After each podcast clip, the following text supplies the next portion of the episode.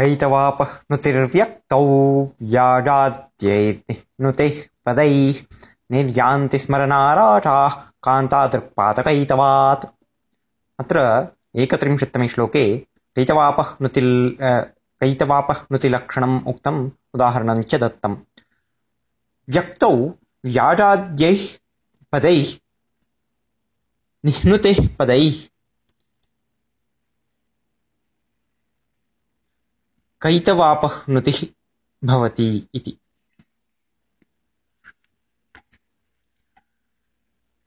नाम कस्मिंश्चित् वस्तुनि निह्नुतिः भवति, व्याजाद्यैः पदैः। यथा प्रस्तुते उदाहरणे, निर्यान्ति स्मरणाराटाः